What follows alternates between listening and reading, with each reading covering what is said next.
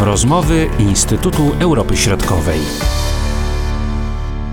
Przed mikrofonami Marcin Superczyński, witam Państwa. W ostatnim czasie segment pojazdów o napędzie elektrycznym rozwija się bardzo dynamicznie, jednak nie należy się spodziewać, że w najbliższych latach wyprą one pojazdy o tradycyjnym napędzie.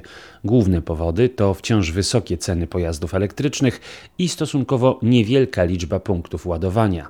Zdecydowanie większą popularnością cieszą się pojazdy hybrydowe. W naszej części Europy największy udział takich modeli w rynku samochodowym jest zauważalny w Estonii 6%, a najmniejszy w Czechach około 2%. Z pewnością w dalszej perspektywie udział pojazdów hybrydowych i elektrycznych będzie dynamicznie wzrastał, zauważa starszy analityk w zespole bałtyckim Instytutu Europy Środkowej dr Michał Paszkowski. Nie przewiduję, żeby w dłuższej perspektywie czasowej, znaczy nie wiem, w perspektywie 2050 w ogóle jakby nie, nie funkcjonowały i nie jeździły po, po, po drogach y, czy w Europie, czy na świecie samochody z silnikiem spalinowym, więc w dalszym ciągu to jakby zapotrzebowanie na paliwa te tradycyjne będzie, ale faktycznie jakby uwzględniając akcje promocyjne, różnego rodzaju rządowe programy wsparcia dla rozwoju samochodów y, z alternatywnymi silnikami, no niewątpliwie jest to przyszłość, ale trudno też jednoznacznie na tę chwilę jakby określić, jaki to będzie udział w rynku. W tej chwili jest to mniej niż 1% w Europie, ale, ale chociażby pod względem y, jakby szybkości i dynamiki rozwoju tego rynku, no tutaj Europa goni chociażby Chiny, największy rynek y, właśnie samochodów elektrycznych i faktycznie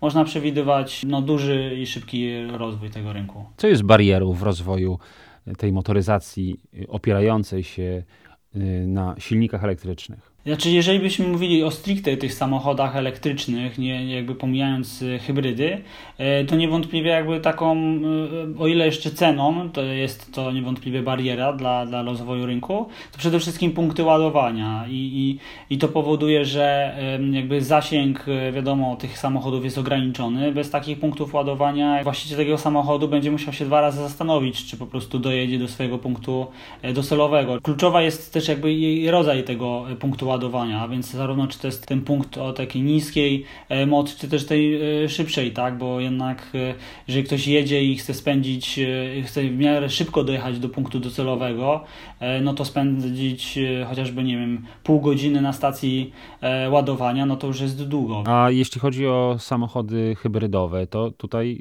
no, aż takiego problemu raczej nie ma, prawda, bo to jest zupełnie inna zasada.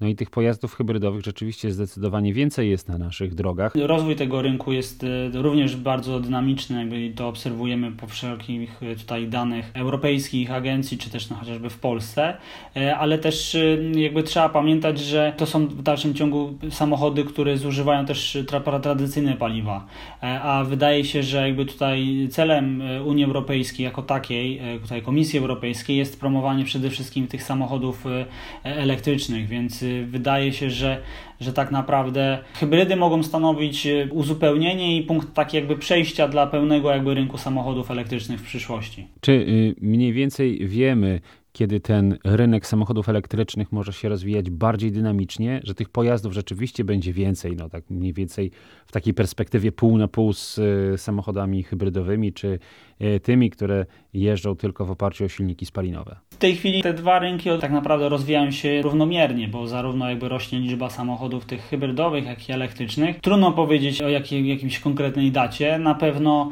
w perspektywie Polski mamy tylko 22 tysiące samochodów y, elektrycznych, ale w rzeczywistości rok do roku wzrost jest na tyle dynamiczny, że tak naprawdę będzie to jakby rynek bardzo dominujący w tej chwili w, w, w Europie. Ceny tych y, aut to jest jedna z tych barier, y, która powstrzymuje przed dynamicznym rozwojem tego y, właśnie segmentu. W jaki sposób państwa, czy też instytucje międzynarodowe starają się wspierać potencjalnych zainteresowanych. Wsparciem tutaj chyba są dwutorowe. Znaczy pierwszym to są oczywiście programy rządowe, które są realizowane w wielu, e, wielu państwach, e, e, które umożliwiają albo jakby zakup takiego samochodu, bądź też bezpośrednio jakby, jakby dotacja, bądź też różnego rodzaju podatki, obniżenie podatku, chociażby akcyzy na zakup tego typu samochodu, czy też VAT, na przykład w Norwegii. I to jest jakby jedna jakby taka, można powiedzieć, element w wsparcia. Natomiast drugim takim elementem są działania na forum Unii Europejskiej i zmiana jakby regulacji prawnych.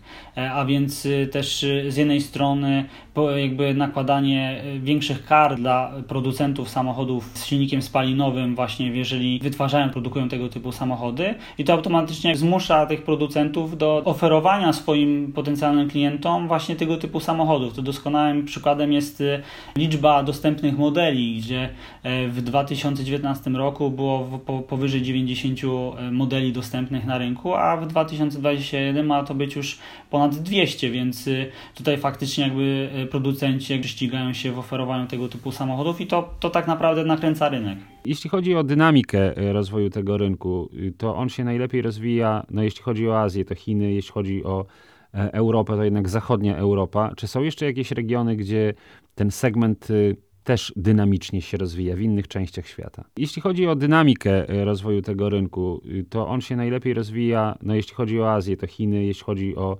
Europę, to jednak zachodnia Europa. Czy są jeszcze jakieś regiony, gdzie ten segment też dynamicznie się rozwija w innych częściach świata. No niewątpliwie tutaj, e, tak jak wspomnieliśmy, jakby tutaj Azja i Pacyfik, e, głównie Chiny, Europa jakby w ostatnich e, latach, przede wszystkim 2020 rok, pomimo pandemii, tutaj z, jakby nastąpił bardzo dynamiczny wzrost sprzedaży tych i rejestracji tych samochodów, chociażby Niemcy, które już stały się drugim największym rynkiem tego typu samochodów w Europie i generalnie też na świecie. Natomiast no tutaj też jeszcze Stany Zjednoczone, tak, czyli Stany Zjednoczone, Ameryka Północna i Kanada są to najbardziej rozwijające się też rynki, ale no jakby nie patrzeć w dalszym ciągu tutaj e, chociażby Stany Zjednoczone e, jest największy konsument benzyny. Na razie nie ma jakichś tam szacunków, które by wskazywały, że, że to szybko ulegnie zmianie, ale jakby rynek bardzo szybko się rozwija. Dla producentów paliw to w dalszej perspektywie z pewnością będzie duże e, wyzwanie.